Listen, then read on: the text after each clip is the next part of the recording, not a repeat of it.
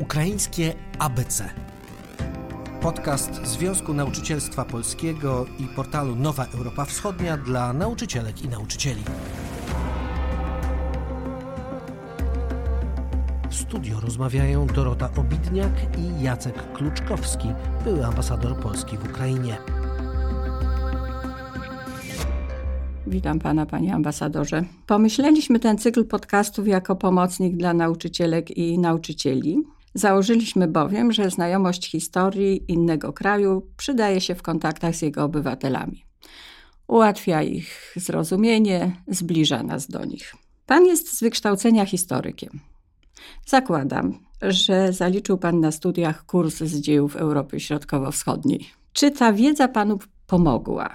Czy kiedy pierwszy raz pojechał pan do Ukrainy, patrzył pan na Ukraińców przez pryzmat lektury potopu, czy rzeczywiście jako historyk? Potop jest może mniej przydatny, bardziej ogniem i mieczem, które się odbywa jak gdyby na, na, na trasie opisanej przez kronikarzy ukraińskich, przez Samoila Wełyczkę, na mapie, którą rysował francuski kartograf de Beauplan.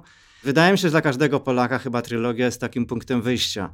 Potem zresztą pamiętam, że przez długi czas, jak jeździłem na Ukrainę, to szukałem tych miejscowości, szukałem tych nazw, szukałem tych tras, które gdzieś tam przede wszystkim z Ogniem i Mieczem i pana Wołodyjowskiego, no potop w, w minimalnym stopniu zatrąca ziemię ukraińskie. No Sienkiewicz to jest taki punkt wyjścia, natomiast wydaje mi się rzeczywiście, że, że jest potrzebnych trochę, trochę lektur naukowych, ale to, co daje taki obraz duszy ukraińskiej, mi się wydaje, to jest, to jest literatura piękna. To jest, ona, ona jakoś w Polsce jest dostępna i jest znana. To znaczy i twórczość Tarasa Szewczenki, i Iwana Franki, no myślę, że, że stamtąd można trochę odczytać, trochę złapać takiego ducha tych, tych obszarów, tych ziem, tych ludzi. Ja chciałabym pana poprosić o taki krótki wykład na temat y, historii Ukrainy, e, ponieważ w ostatnich dniach pytając y, koleżanki, kolegów, nauczycielki, nauczycieli, co właściwie wiedzą o Ukrainie, otrzymywałam taką odpowiedź: hmm, chyba nie wiem, albo niewiele. W związku z tym chciałabym, żebyśmy zaczęli od początków, od tego momentu, o który historycy opisują, że się coś wyłania z pomroku dziejów, czyli od Rusi Kijowskiej. Tam y, jest sporo takich wątków, które trochę są dla nas bliskie, bo się pojawia też trzech braci. Kij, Szczeka i Chorywa, którzy zakładają Kijów. Pojawia się Ruryk, który raczej nie jest chyba Słowianinem, walczy z Finami. Tam jest trochę takiego bajkowego, baśniowego klimatu. A tymczasem okazuje się, że ta trochę mitologiczna historia, tak przynajmniej my ją odbieramy potocznie, ona jest dość istotnym elementem sporu pomiędzy Rosjanami i Ukraińcami. Dlaczego? No, każde prapoczątki są trochę mitologiczne. I, i nie, nie, wspomnę o założeniu Rzymu i, i o myszach, które zjadły króla popiela w Polsce. Także chyba nie ma co z tego robić problemu, że, że, że mit jest u źródeł historia jest nauką jednak. Ja w ogóle, ponieważ jestem historykiem z, z, wykształcenia, to uważam, że jest nauką no, prawie że ścisłą, to znaczy weryfikowalną. Rezultaty badań historycznych weryfikuje się poprzez analizę źródeł, poprzez dyskusję naukową, poprzez przeciwstawianie sobie e, różnych opinii, racji, no i trzymanie się w miarę możliwości z dala od bieżących sporów politycznych. Oczywiście współczesna nam epoka zna to, że wie, że, że jest coś takiego jak polityka historyczna. E, czyli po prostu to jest takie otwarte wykorzystanie e, historii. Prezentuje się to często właśnie w, w takiej quasi naukowej postaci.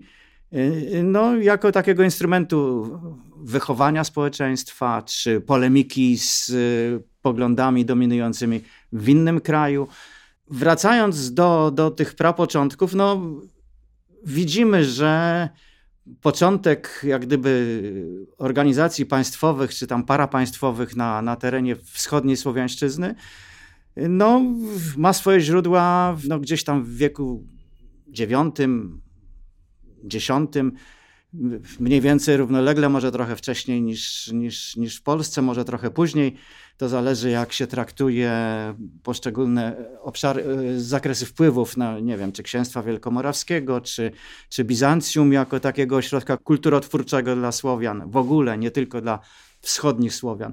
W każdym razie, e, bez wątpienia, ci Rusini, którzy no, tworzyli, współtworzyli to, to państwo e, ruskie, staroruskie, mówili jako, jakimś językiem, który współcześni Ukraińcy, no, tak samo i Rosjanie, mogą uważać za język, który stoi u, u początków ich języka, ich potem kultury pisanej, e, literatury. Ja bym się nie chciał w takie bardziej naukowe dywagacje, czy, czy takie bardziej scholastyczne e, wdawać. Rzeczywiście do tradycji Rusi Kijowskiej przypisują się przynajmniej trzy narody, znaczy widzą swoje praźródło. To, jest, to są Ukraińcy, Białorusini i Rosjanie.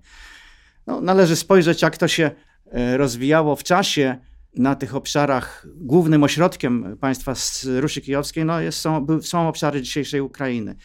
Więc y, tam istnieje jakaś ciągłość osadnictwa, istnieje ciągłość e, kulturowa.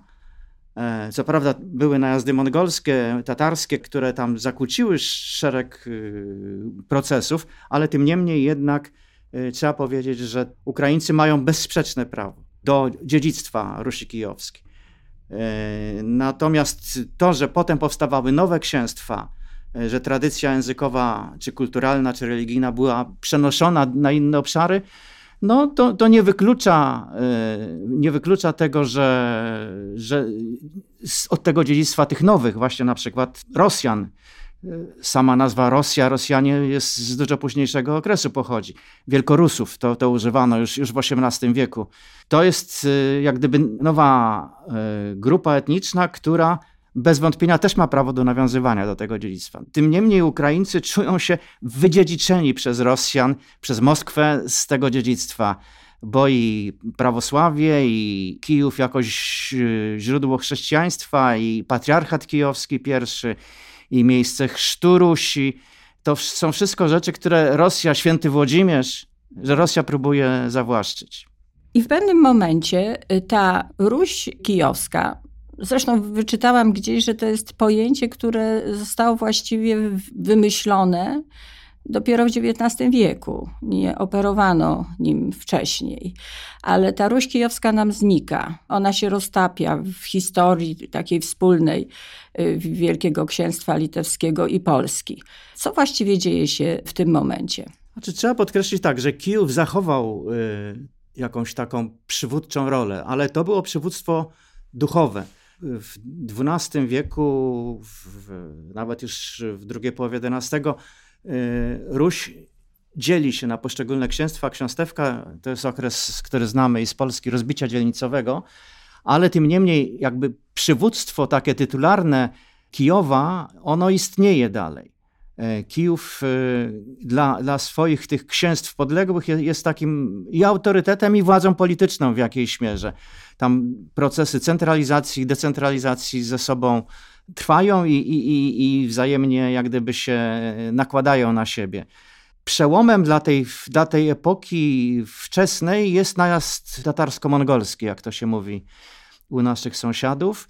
To jest no, zniszczenie Kijowa w wyniku y, najazdów, oblężenia. To jest no, podporządkowanie ziem ruskich y, Tatarom ogromne straty ludzkie. I te księstwa, które zostały jak gdyby podporządkowane Tatarom, one szukają dla siebie miejsca. Część ludności, część bojarów ruskich szuka dla siebie miejsca na obszarach, które Tatarzy luźniej kontrolują, szuka po prostu nowych obszarów. Część szuka patronatu. Taki los sprzyjał Wielkiemu Księstwu Litewskiemu, które wtedy uważało się za taką regionalną potęgę. Szereg więzi zostaje wtedy właśnie nawiązanych między samymi wielkimi książętami litewskimi i książętami pochodzącymi właśnie z dynastii Rurykowiczów, czyli książętami ruskimi. E, I dochodzi do takiej nie podboju, ale jakiejś próby stworzenia ośrodka który chroniłby księstwa ruskie przed y, Tatarami, przed ich, ich dominacją, ich, ich najazdami, ich, ich prześladowaniami i religii. I, i, e, więc Wielkie Księstwo Litewskie staje się bodaj nie największym państwem w wieku XIV, staje się bodaj nie największym państwem e, w Europie obszarowo, ale równocześnie zwróćmy uwagę, o czym mało w Polsce pamiętamy, że językiem urzędowym na przykład na dworze Wielkich Książąt Litewskich był język ruski, że język y, litewski był wśród wojowników, wśród, wśród mieszkańców Litwy właściwej, był używany oczywiście, ale językiem na przykład dworu Jagiełły czy dworu Witolda był, y, był język ruski, że kodeksy praw y, obowiązujące w Wielkim Księstwie Litewskim były pisane w języku, w języku ruskim. Nawet jak po Unii lubelskie, gdy Ukraina została przyłączona do korony Królestwa Polskiego, czyli jak gdyby do Polski, do, do tej polskiej części, warto zauważyć, że y,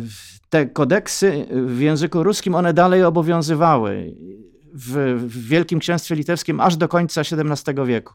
Dopiero potem, jak gdyby nastąpiło przejście na język polski i łaciński w, w tym systemie prawnym. Więc y, to w istocie Wielkie Księstwo Litewskie było państwem litewsko-ruskim, państwem w istocie federacyjnym, może nawet konfederacyjnym, że wielcy książęta spokrewnieni ze sobą, no, rywalizowali, ale też współpracowali, tworzyli taką pewną unię, e, zanim doszło nawet do Unii Polsko-Litewskiej, to oni tworzyli wewnątrz taką Unię Litewsko-Ruską. E, I arystokracja litewska, jej siły zbrojne, państwowość litewska w tym czasie Wielkiego Księstwa Litewskiego w istocie jest państwowością litewsko-ruską. E, dawało to e, sporo swobody w porównaniu z obszarami, które były kontrolowane przez Tatarów, tym terenom. Oni czuli się, zwłaszcza jak się umacniała pozycja szlachty w Polsce, już mamy potem Unię Polsko-Litewską, pozycja szlachty w Polsce, to tak samo bojarzy ruscy korzystali z tego na obszarze Wielkiego Księstwa Litewskiego. No potem de facto te państwa bardzo się do siebie udobniły. Mam na myśli Wielkie Księstwo Litewskie i Korona. Także w istocie nawet trudno czasami przeprowadzić granicę taką kulturowo-polityczną. Aczkolwiek no, trzeba pamiętać, że na wsiach mówiono w języku rusińskim jakimś. Ten język ewoluował z tego języka staroruskiego, e, no ale bez wątpienia miał, miał swoje korzenie. On się coraz bardziej upodabniał do dzisiejszego języka ukraińskiego. Co jest jeszcze ważne, no, religia dzieliła Polaków, a także Litwinów i dużą część szlachty, y, która nawet z pochodzenia rusińska, no, przyjmowała katolicyzm, bo to umożliwiało większe kariery polityczne w państwie tym litewsko-polsko-litewskim. E, więc e, ci, którzy pozostali przy prawosławiu, no siłą rzeczy wyodrębniali się z tej wspólnoty. Także można powiedzieć, dziesięciolecie za dziesięcioleciem, jak gdyby tworzyła się pewna nowa więź wewnętrzna, która była oparta i o język, i o religię, i o kulturę, a także silnie zakorzeniona w, w warstwach ludowych.